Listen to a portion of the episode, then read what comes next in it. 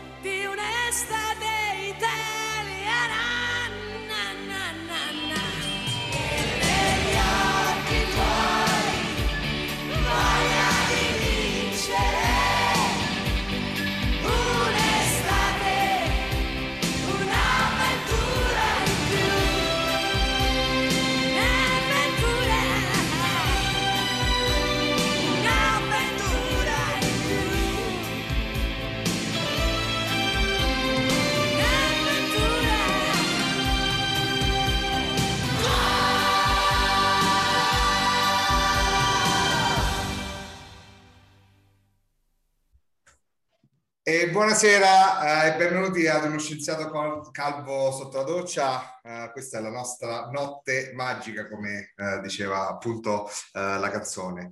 Uno scienziato calvo sotto la doccia, trasmissione del palinsesto di Radio Onda italiana dedicata alla scienza. E questa sera è tornato a trovarci un ospite eh, grandioso che è stato con noi già qualche mese fa, oserei dire mitico, e capirete tra qualche secondo eh, perché.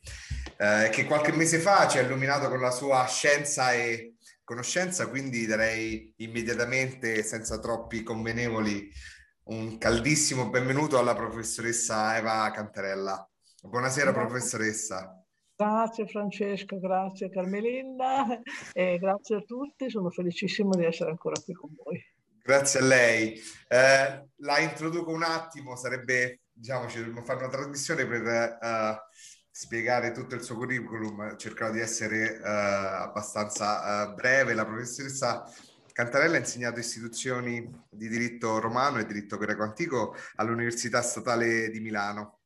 Ha pubblicato oltre 20 saggi sul diritto e su aspetti sociali del, nel mondo greco e romano, tradotti all'estero in numerose lingue. Tra i suoi ultimi libri ricordiamo Come uccidere il padre, Genitori e figli da Roma oggi, Gli amori degli altri tra cielo e terra, da Zeus a Cesare, Inganni di Pandora, eh, che la professoressa uh, descritto mirabilmente la scorsa volta uh, in trasmissione e, e tanti altri, uh, tra cui quello diciamo, di cui parleremo stasera, insieme a, come aveva introdotto già la professoressa, la professoressa Cantarella, insieme a Carmelinda Gentile, che è qui con noi, attrice italiana diplomata all'Istituto Nazionale del Dramma Antico a Siracusa, è stata interprete di numerose tragedie greche e negli ultimi quattro anni è direttrice e fondatrice della compagnia di teatro ad Amsterdam, il Corego Theater Group.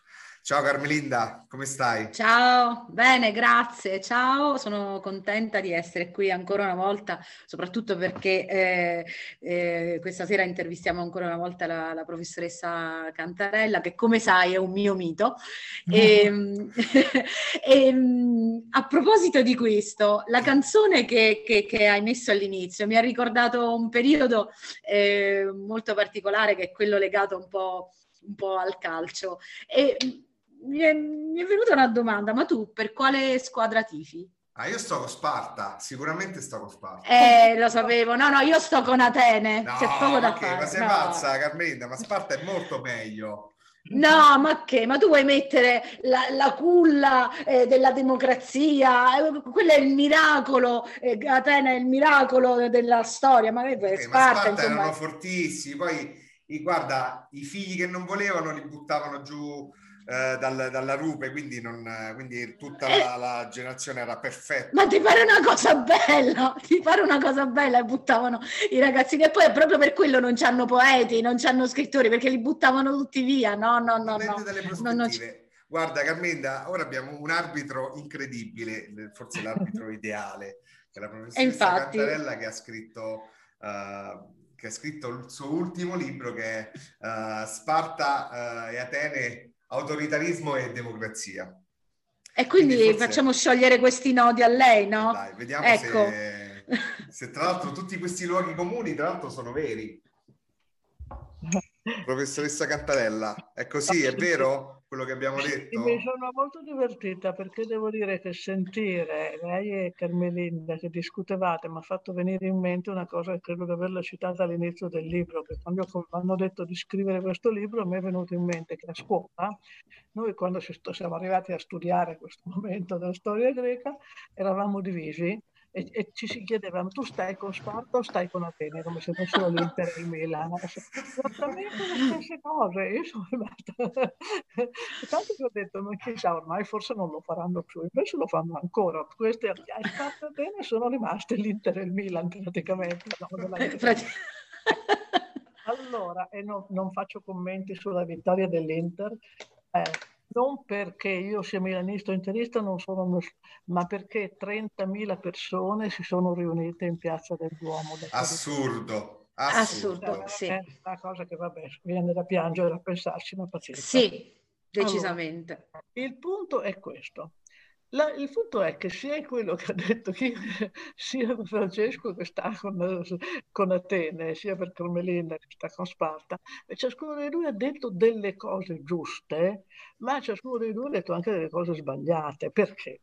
Perché in realtà questa rappresentazione di Atene e Sparta, così come l'hanno fatta loro, l'hanno fatta benissimo, come, come, come, come la facevano i, i, libri di scuola, se no in modo diverso, più aulico magari, ma insomma il discorso era questo. Era l'antagonismo tra due città incompatibili. L'unica cosa vera è che veramente l'una odiava l'altra, questo è un altro discorso, e che erano due grandi superpotenze nemiche, questo è indiscutibile. Però sulle diversità, quelle che, quelle che sono state descritte appunto e che sono arrivate fino a noi, non sono le diversità storiche, sono le diversità nelle rappresentazioni che gli autori greci stessi ci hanno dato delle due città e sono completamente diverse dalla in gran parte diverse dalla realtà, per la semplice ragione che chi scriveva di Sparta, o diciamo, diciamo mettiamo che fosse inter, era interista, eh?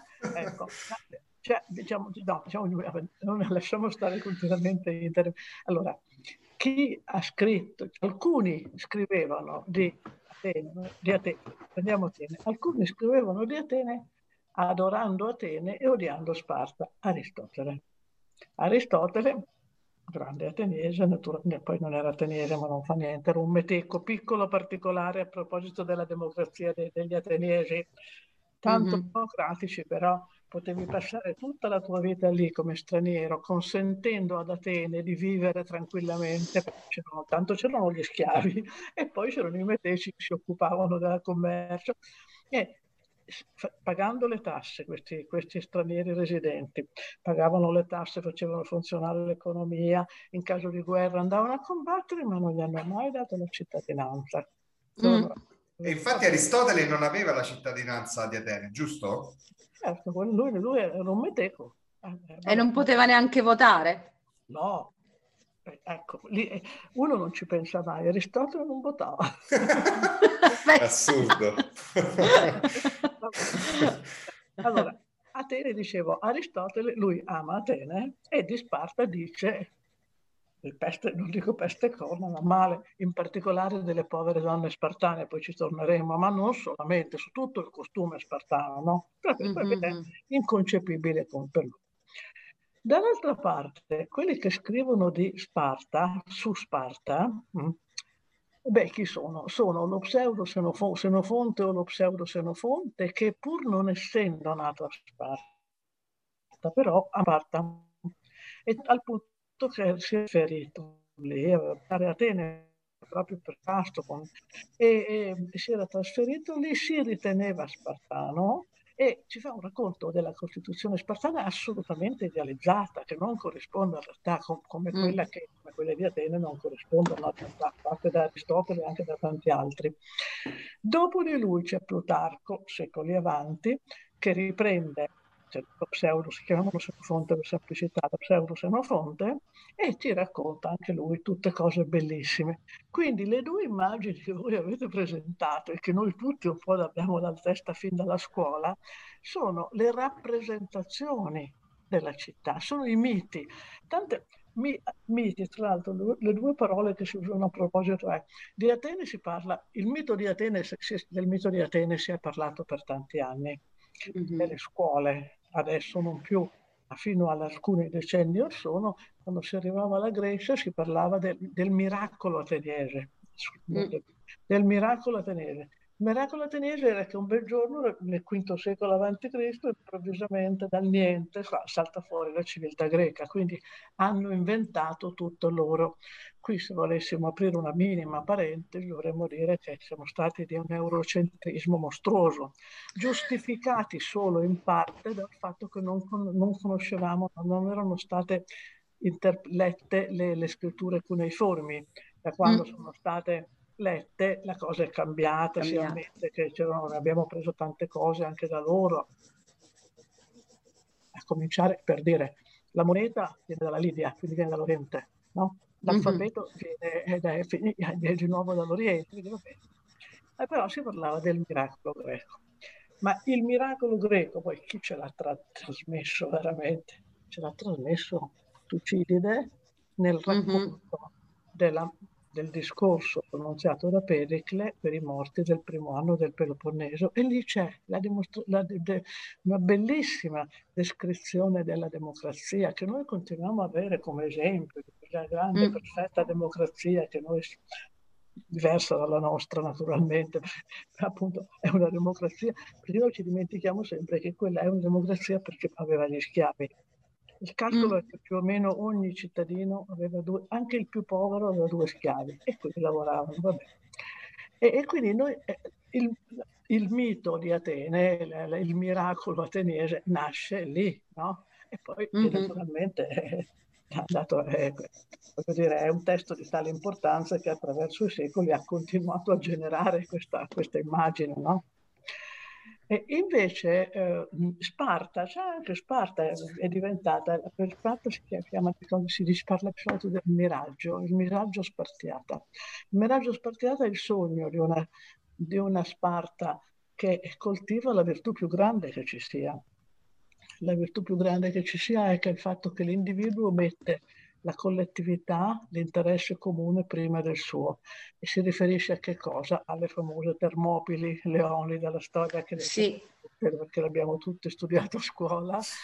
Mm-hmm. E quindi, e quindi, ecco, allora, quindi queste, tutte queste differenze. Allora, premesso questo, quindi non dobbiamo, queste qui sono le rappresentazioni che sono arrivate fino a noi eh, perché si usano, io ho dedicato l'ultima parte del libro, avrei voluto avere più tempo per farla più ampia, per vedere come ancora oggi si parla, si parla di Sparta e di Atene, della loro sì. rivalità come qualcosa di importante per capire. Pensate che durante la guerra fredda gli americani, l'URSS, si identificavano rispettivamente con Atene per cercare di capire la guerra fredda, gli storici. Sì.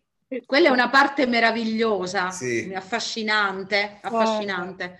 No, ma poi è, è, talmente affascinante, come dice Carmelinda, è talmente importante che ci fa capire quanto sia invece importante non attenersi alle rappresentazioni, ma invece, certo. Certo, invece certo. ai dati, ai dati eh, reali. Ma eh, eh, però dopo, dopo, non parlo più di questo, ma mi sono molto, pochi giorni dopo che stavo, stampa il libro, non ho potuto citarlo, è venuto fuori con Sparta e Atene di nuovo Xi Jinping, il cinese. Sì. Che ha detto, sì. attenzione, non cadiamo nella trappola di Tucidide. Secondo me quasi nessuno ha capito che cos'era. La trappola, però, però lui l'ha detto la trappola sì. di Tucidide è il fatto che Tucidide dice, parlando di, di Sparta e Atene, di due potenze in conflitto, attenzione perché una guerra fredda, basta una mossa sbagliata e diventa una guerra calda. E quello l'ha citato. Oggi, sì. ieri, l'altro ieri, impressionante. E adesso a proposito di conflitti e guerre fredde, un pezzo significativo della Grande Mina e dei Fantastici Audio 2. Non c'è più audio, a fra poco.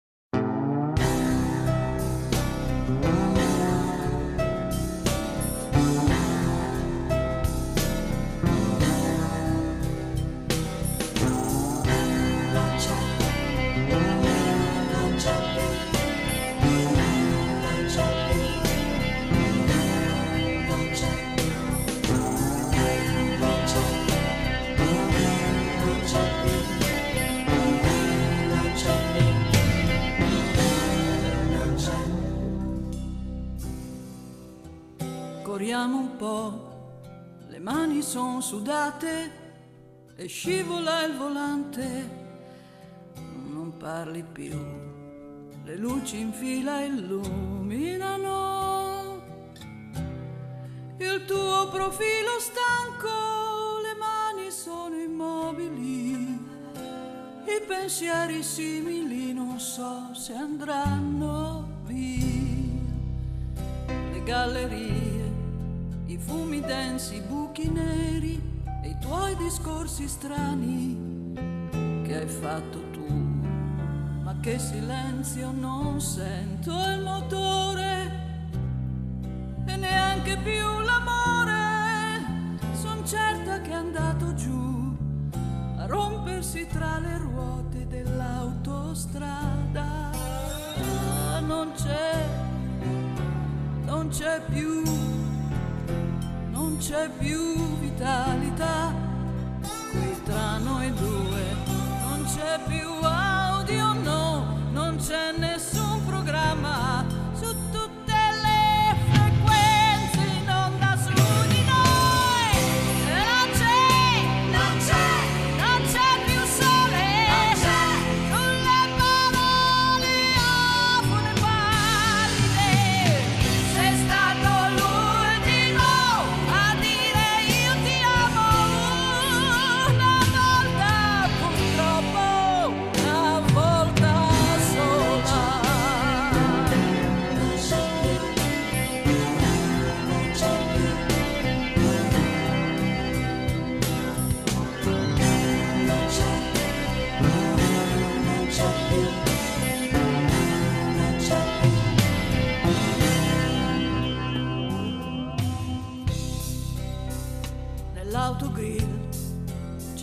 vento intorno, urlando consonanti, ma che cos'ho?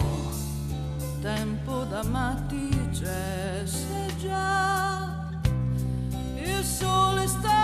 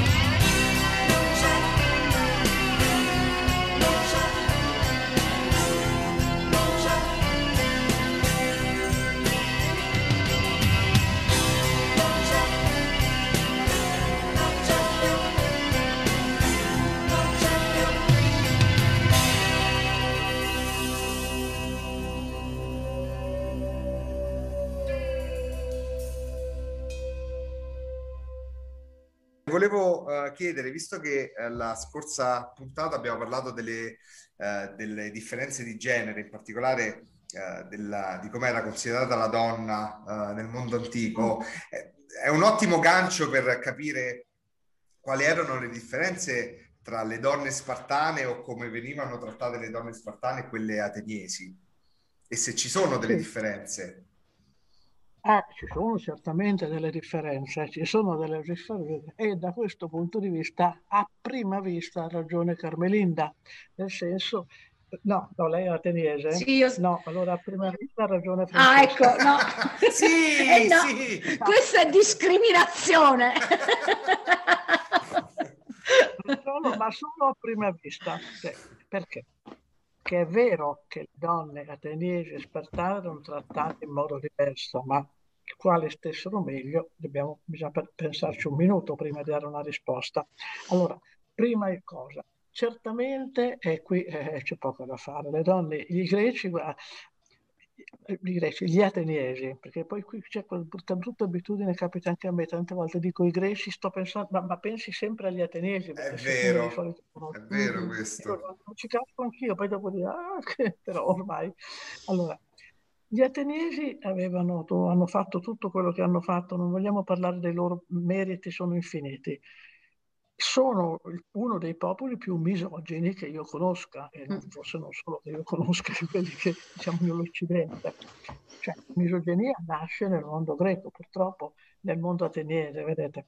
Nel mondo ateniese, come ho cercato di dimostrare del resto nel libro su Pandora, del quale abbiamo parlato, no? Sì, Ecco, adesso non entriamo nel modo in cui sono arrivati a discriminarle, att- attribuendo loro caratteri naturali, ma vabbè. Ma di fatto le donne ateniesi non nascevano, ah, intanto naturalmente come sempre se erano femmine, ma questo ovunque, anche oggi purtroppo, Mm. nelle parti del mondo venivano abbandonate e uccise. Va bene.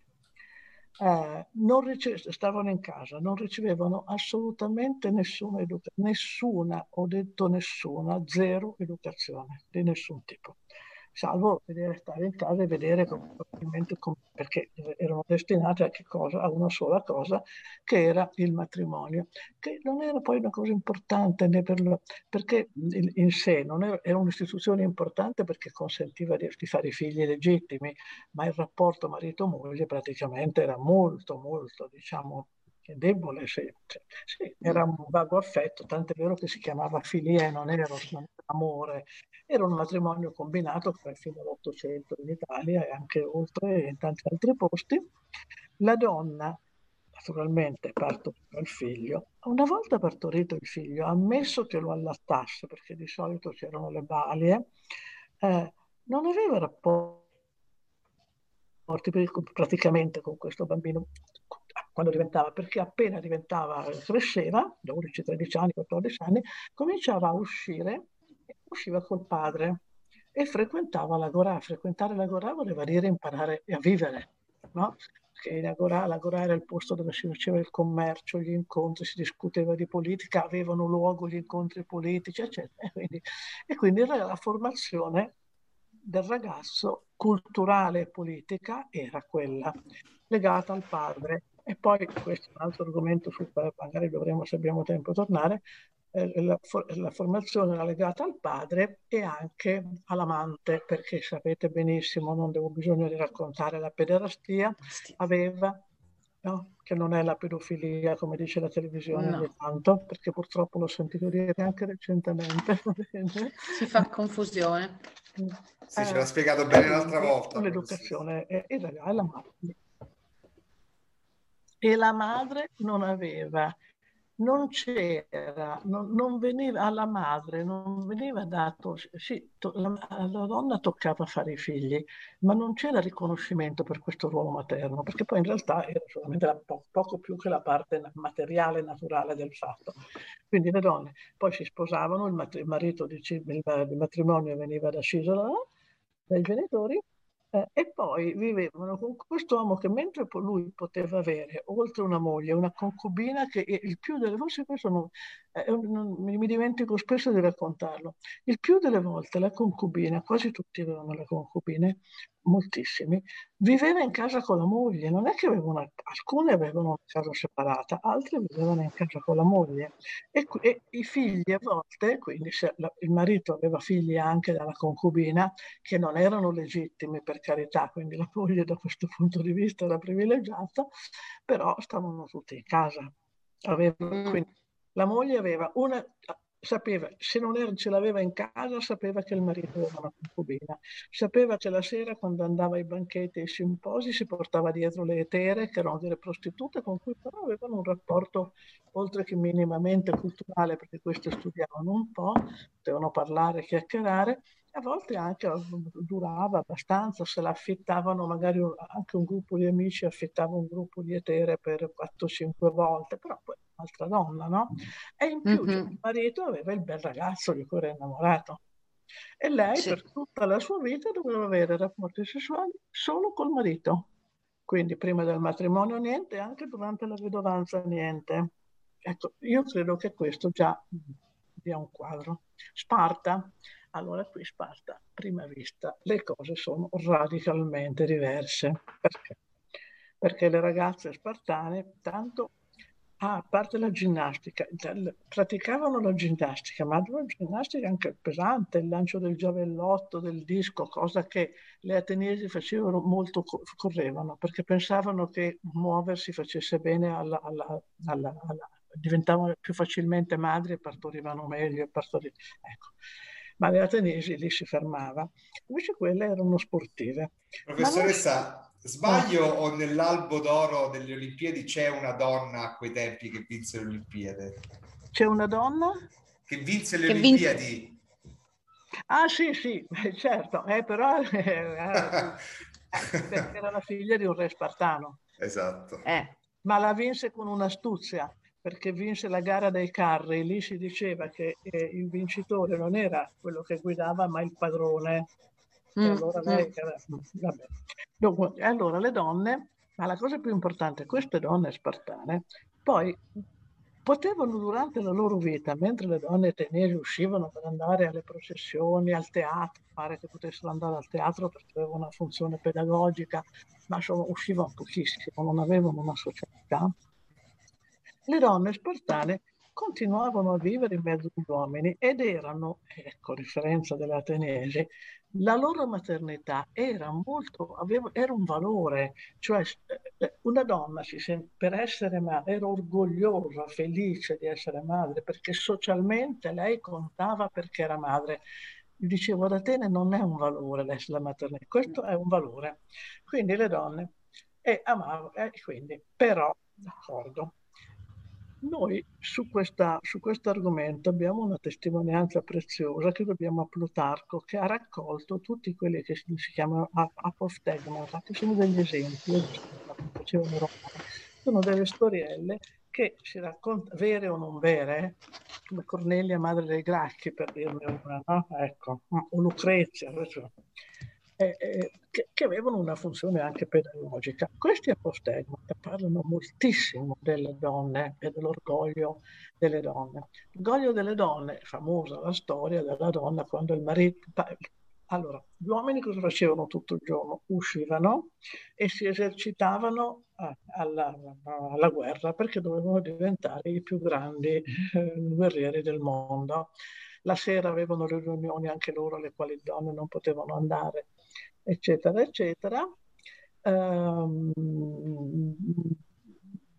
quindi contatti con, con, gli uomini e con i mariti ne avevano ben pochi, avevano contatti fra di loro, eccetera, eccetera, e si gloriavano molto di questi figli che però al momento però in cui il figlio andava in guerra si diceva che la madre desse lo scudo dicendo con questo sopra questo e qui comincia a capire qualche cosa. Vuol dire che è molto importante per te, è importante avere un figlio, ma attenzione, deve essere tanto uno che può morire in guerra, e quindi mm. un maschio. E deve morire in guerra perché la tua gloria è legata al fatto che lui sia morto in guerra. Consolazione. Eh sì, ci sono anche tutti degli apostoli. Allora, arriva lo straniero e lei dice, ma dov'è? La madre dice, dov'è mio figlio? E là, e loro dicono, no, purtroppo è caduto combattendo, purtroppo. E lei, allora mm. lei dice, meglio così che tornare sconfitto, delle cose sì. genere, meglio che... Eccetera. Mm. Mi ha colpito anche il fatto che mh, mm, eh, sulla tomba di una madre a cui era morto il figlio in guerra veniva messo il nome. Questa è la cosa che fa impressione e questa è la cosa che mi ha fatto proprio pensare tanto, no, poi stavano bene, si fa per dire. Allora, gli Spartani, a differenza degli Ateniesi, che chi è andato ad Atene ha visto che cosa sono i cimiteri ateniesi di un tempo, no? Ecco, monumenti meravigliosi, eccetera, eccetera. Gli Spartani, non, per loro la, la sepoltura, questa è una diversità culturale importante non era importante. Tanto è vero che se qualcuno moriva all'estero, ma a volte lo lasciavano lì. E non iscrivevano i nomi sulle tombe. Le uniche persone che potevano avere il nome iscritto erano, attenzione, le donne, quindi uno ah, le donne madri di un figlio morto in guerra. Quindi non solo, solo di un figlio maschio, ma di un figlio che era morto in guerra. Allora io a questo punto mi comincio a dire, ma scusate, cos'è? Allora, che è una strumentalizzazione terribile di questa cosa. No? E se è vero che loro ci credevano, eh, e probabilmente ci credevano, perché io credo che eh, questo è, e tra l'altro questo è un discorso molto interessante a proposito del dibattito che è in corso sulla naturalità o culturalità delle emozioni. Certo. Eh. Le emozioni sono innate. Allora, se c'è un'emozione innata, universalmente ritenuta tale, è la maternità, no? l'apporto madre-figlio. Hm? Se mm. ce n'è una naturale su cui tutti dicono, beh, quelle, sempre dire, no, le donne non solo amano accudirli, ma sono felici, no? È proprio la maternità, la loro, l'amore materno. E beh, però qui c'era, c'era solo l'amore materno, c'era solamente per, i, allora, per le figlie femmine, eh, tanto anche il valore sociale, ma poi il rapporto interno. Con le figlie femmine che tipi di rapporti hai? Non le ami perché tanto non, non ti danno gloria sociale? Allora, voglio dire, il condizionamento culturale ti può addirittura stravolgere persino i sentimenti che sembrano, io non credo nella, per carità, non sono radicalmente di quelle costruzioniste, no? quelli che dicono tutto è costruito. No, io sono convinta in una parte di, di, di innata di emozione, poi io non, so, non, mi azzardo perché queste sono cose da psicologi, psichiatri, non so, però così, le persone di buon senso siamo tutte, no? Credo una parte di naturale c'è, no? E, e, e, ma, ma gran, gran, parte è costruita dall'esterno, per esempio, come potevano le donne eh, romane e le donne greche amare i mariti come oggi una donna che ama il marito una donna che ama il marito oggi non sopporta la concubina, i figli della concubina, l'amante, quell'altra, quell'altra. Certo. Anche la gelosia è solo costru- in gran parte costruita, è vero, però pochino ci sarà ah. pure, no? Quindi questo per dire che la condizione delle donne spartane era certamente molto diversa e da questo punto di vista quella divisione fra Atene e Sparta è vera. Eh? però, non, però, però è una cosa che dà molto, molto da pensare e certamente, secondo me, è, ecco, non so, ti, ti, se mi chiedessero volevi nata a Sparta a Atene, forse a Sparta tutto sommato. Eh, tutto sommato. Almeno un po' di... Sì, tutto sommato forse sì. Anche perché erano, erano anche, rispetto all'educazione che, di cui le parlava uh, all'inizio nella descrizione delle donne ateniesi, c'era una sorta di educazione nelle, per le donne spartane.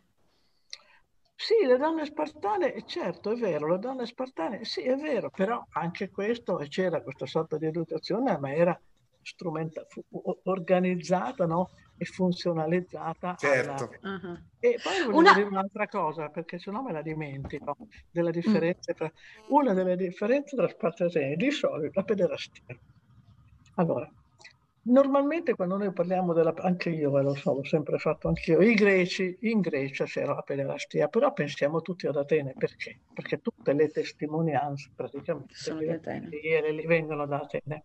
Di Sparta non si parla mai. In realtà c'è, perché non l'ho detto prima, ma a sei anni i ragazzini, questo l'amore materno, a sei anni i figli venivano tolti alla famiglia e venivano educati in questi lagogai gruppi e non le vedevano più praticamente, no, questi ragazzi. Mm. Eh, questa, la, la, l'agogè, che era la, la paideia, la formazione del ragazzo spartano, era divisa per età molto attentamente. Si potevano sposare a 20 anni, ma non potevano convivere con la moglie fino a quando ne avevano 30. Quindi a 20 e 30 si poteva, tra 20 e 30 si sposavano, ma vive, tornavano a dormire. A 16 anni, scritto eh, in Senofonte, potevano avere un amante. Quindi l'amante c'era e dell'amante si parla altre volte. Potevano avere un amante, potevano avere un amante. Quindi non solo lo avevano, eh, cosa che non si dice mai, ma da questo punto di vista dice allora era simile agli ateniesi. Beh, non tanto, perché se ha ragione, e io credo che abbia ragione il più grande studioso attuale di Sparta, che si chiama Paul Cartledge, a Sparta mm-hmm. quella, quel rapporto che durava quegli anni, come la pederastia esattamente, no? come la pederastia ateniese, um, era obbligatorio perché faceva parte della Gogè e quindi tu dovevi avere l'amante. E quindi, e quindi, e quindi allora, allora, cioè, è molto difficile parlare di, di dire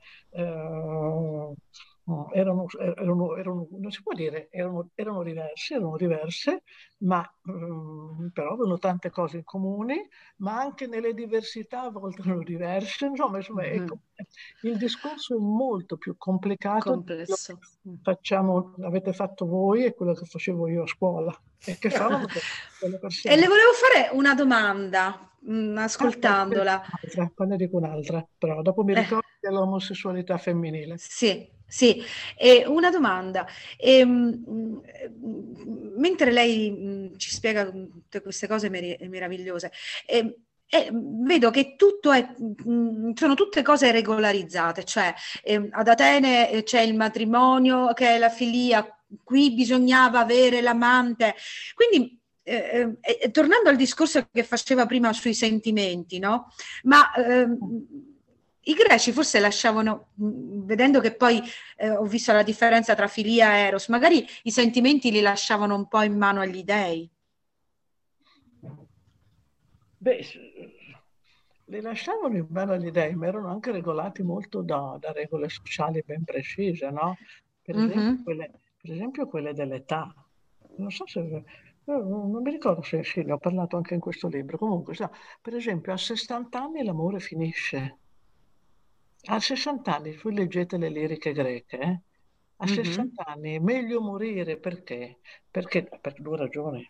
A 60 anni, questo vale sia per, ad Atene che a Sparta, gli uomini smettevano di andare alla, all'assemblea, che per loro era la vita, no? Perché andare all'assemblea, mm-hmm. partecipare alla vita, e andare in guerra che era il loro mestiere, perché loro cosa facevano? Non lavoravano veramente, andavano nell'agorà, si divertivano, facevano le terme, tutte queste poi per carità attività culturali, quelli che potevano, ma poi la guerra, la partecipazione politica e la guerra era finita.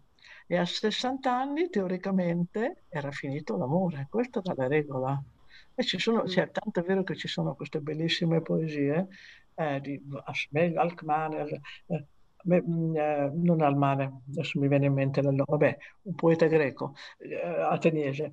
Uh, meglio morire a 40, perché a, a, 60 anni finisce l'amore, faccio schifo, i denti cadono, le donne non ti guardano, i ragazzi che vanno non ti guardano e tu non puoi più, meglio morire. E, poi, e, e, e che a 60 anni mi colga felice, mi, mi colga destino di morte. E c'è Solone che gli risponde, una, si dice che sia la risposta, e le dice, e dice in greco, in greco sono due parole, dice Gerasco aei polladides comenos, che e io invecchio sempre nuove cose imparando.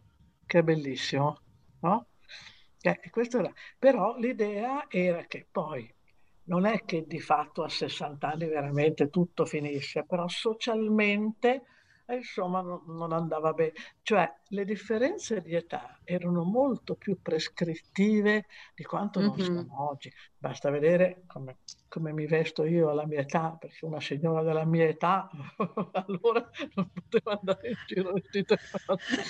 Lei è bellissima. Oggi, io sono sicuro che la sua eleganza andava bene anche a quei tempi. Insomma, ma a, a, oggi, oggi una donna di 30, di 50 e anche di 70 anni più o meno se il fisico minimamente le aiuta, si possono vestire tutte allo stesso modo. allora no, allora no. no. no. no Professoressa, ehm, visto che lei voleva parlare dell'autoerotismo e la differenza tra Sparta ecco, e Atene, volevo, volevo, allora uh, introdurla con una canzone che diciamo è un po' una metafora di quello che ora, che poi andrà, uh, andrà sicuramente a dire. Quindi um, eh, tra cinque minuti ci rivediamo con uh, la professor- professoressa uh, Eva Cantarella e nel frattempo spero vi allieti una canzone di Ornella Vanoni, Samba in preludio.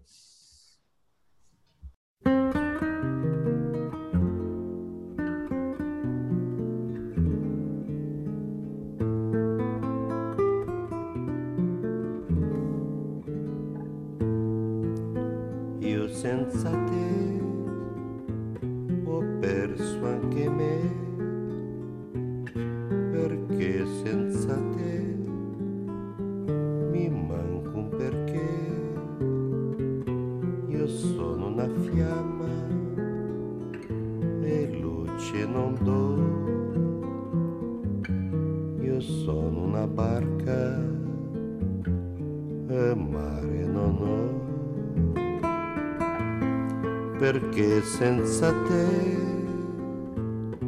rinnego l'amore, uccido la vita e canto il dolore, tristezza che va cerca di me. Ho paura di vivere senza te.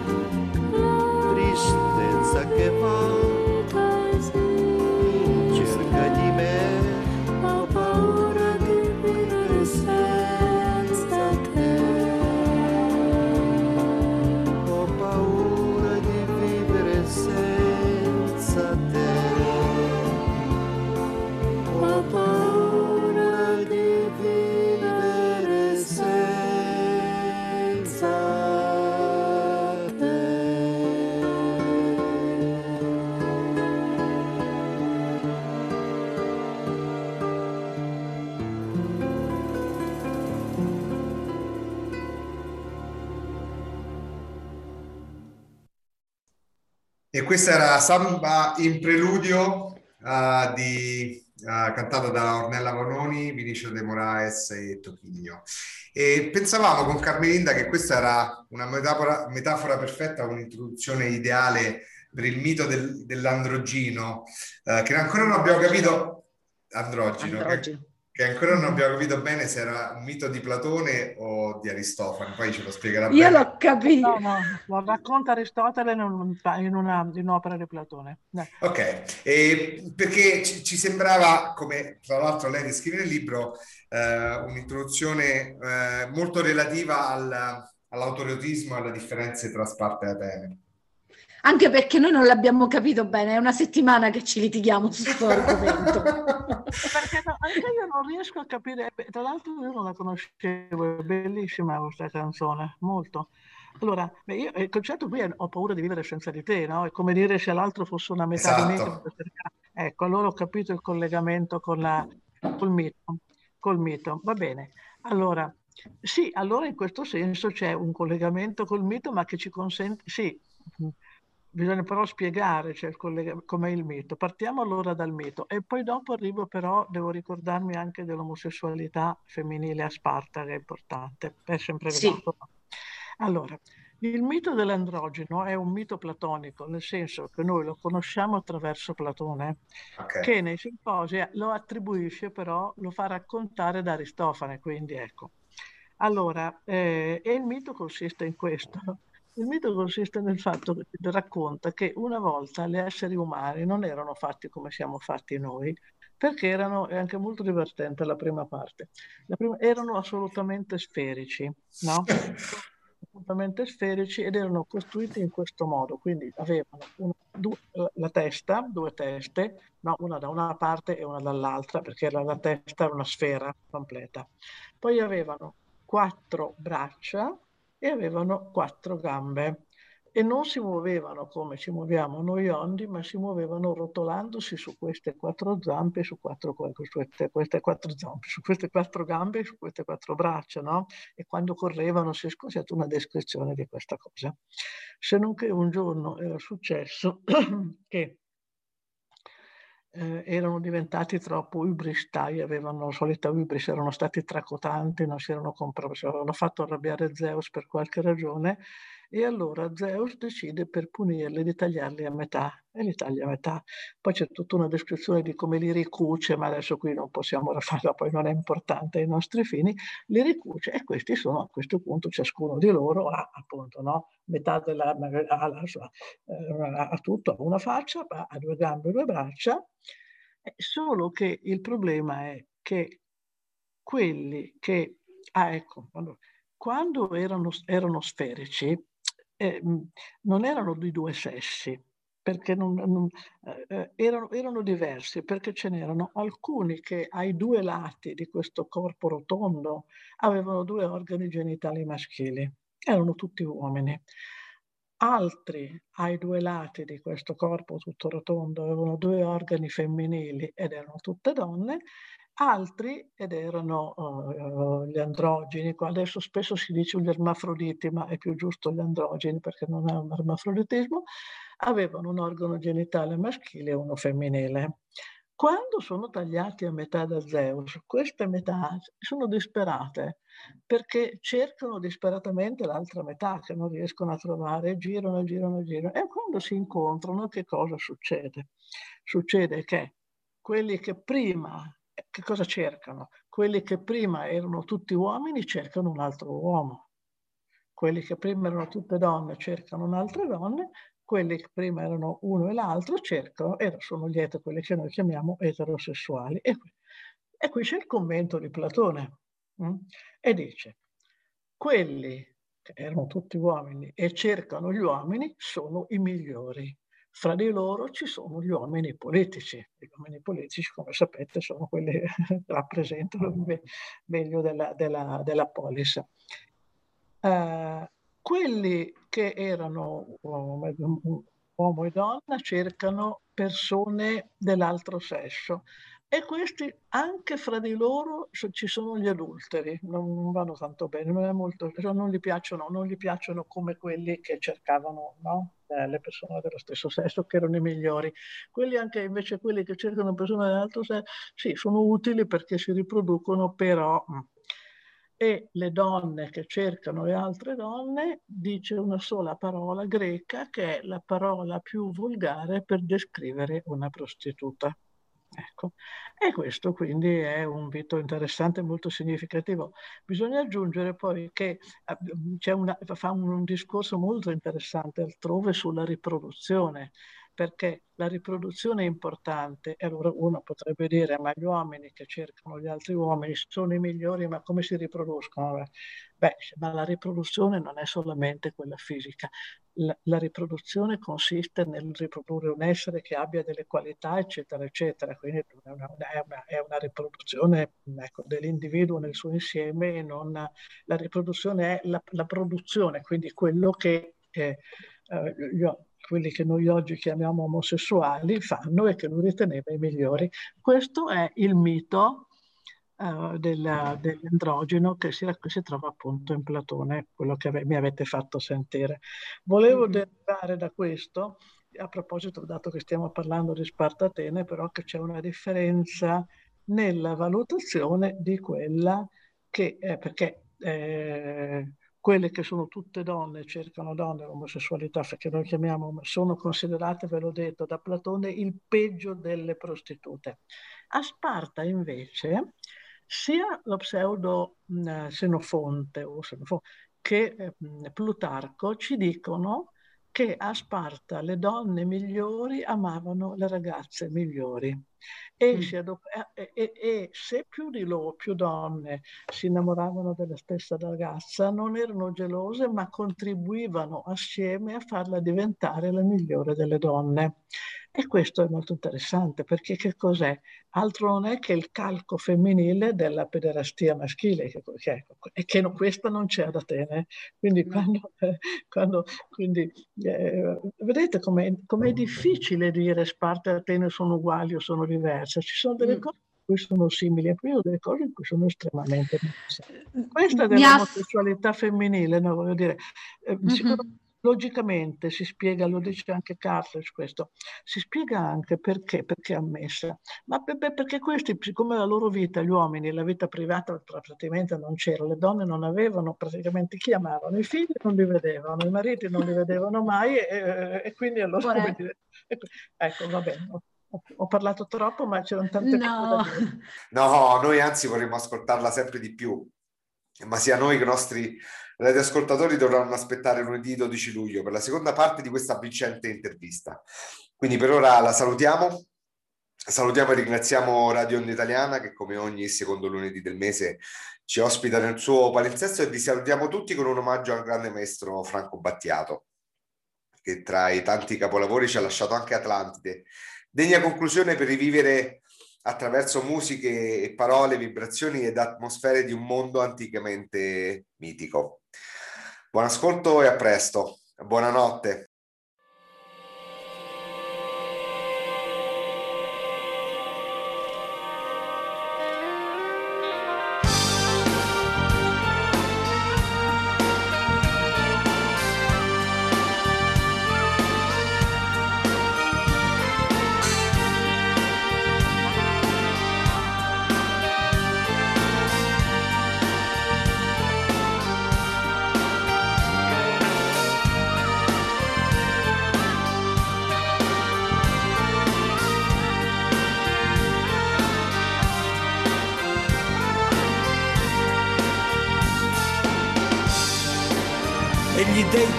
A sorte, si divisero il mondo.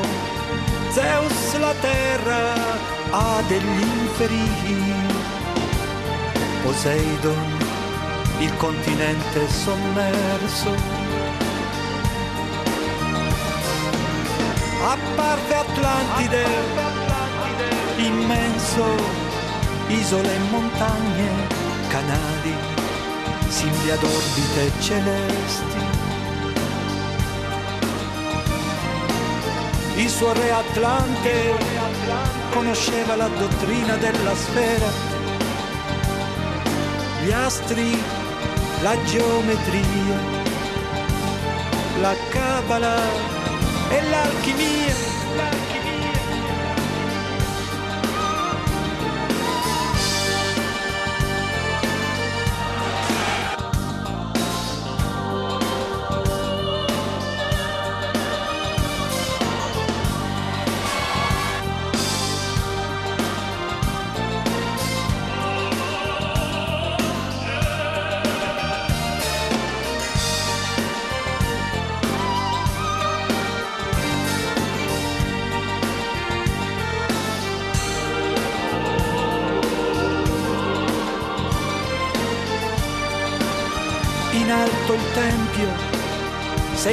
Cavalli alati, le statue d'oro, d'avorio e oricalco.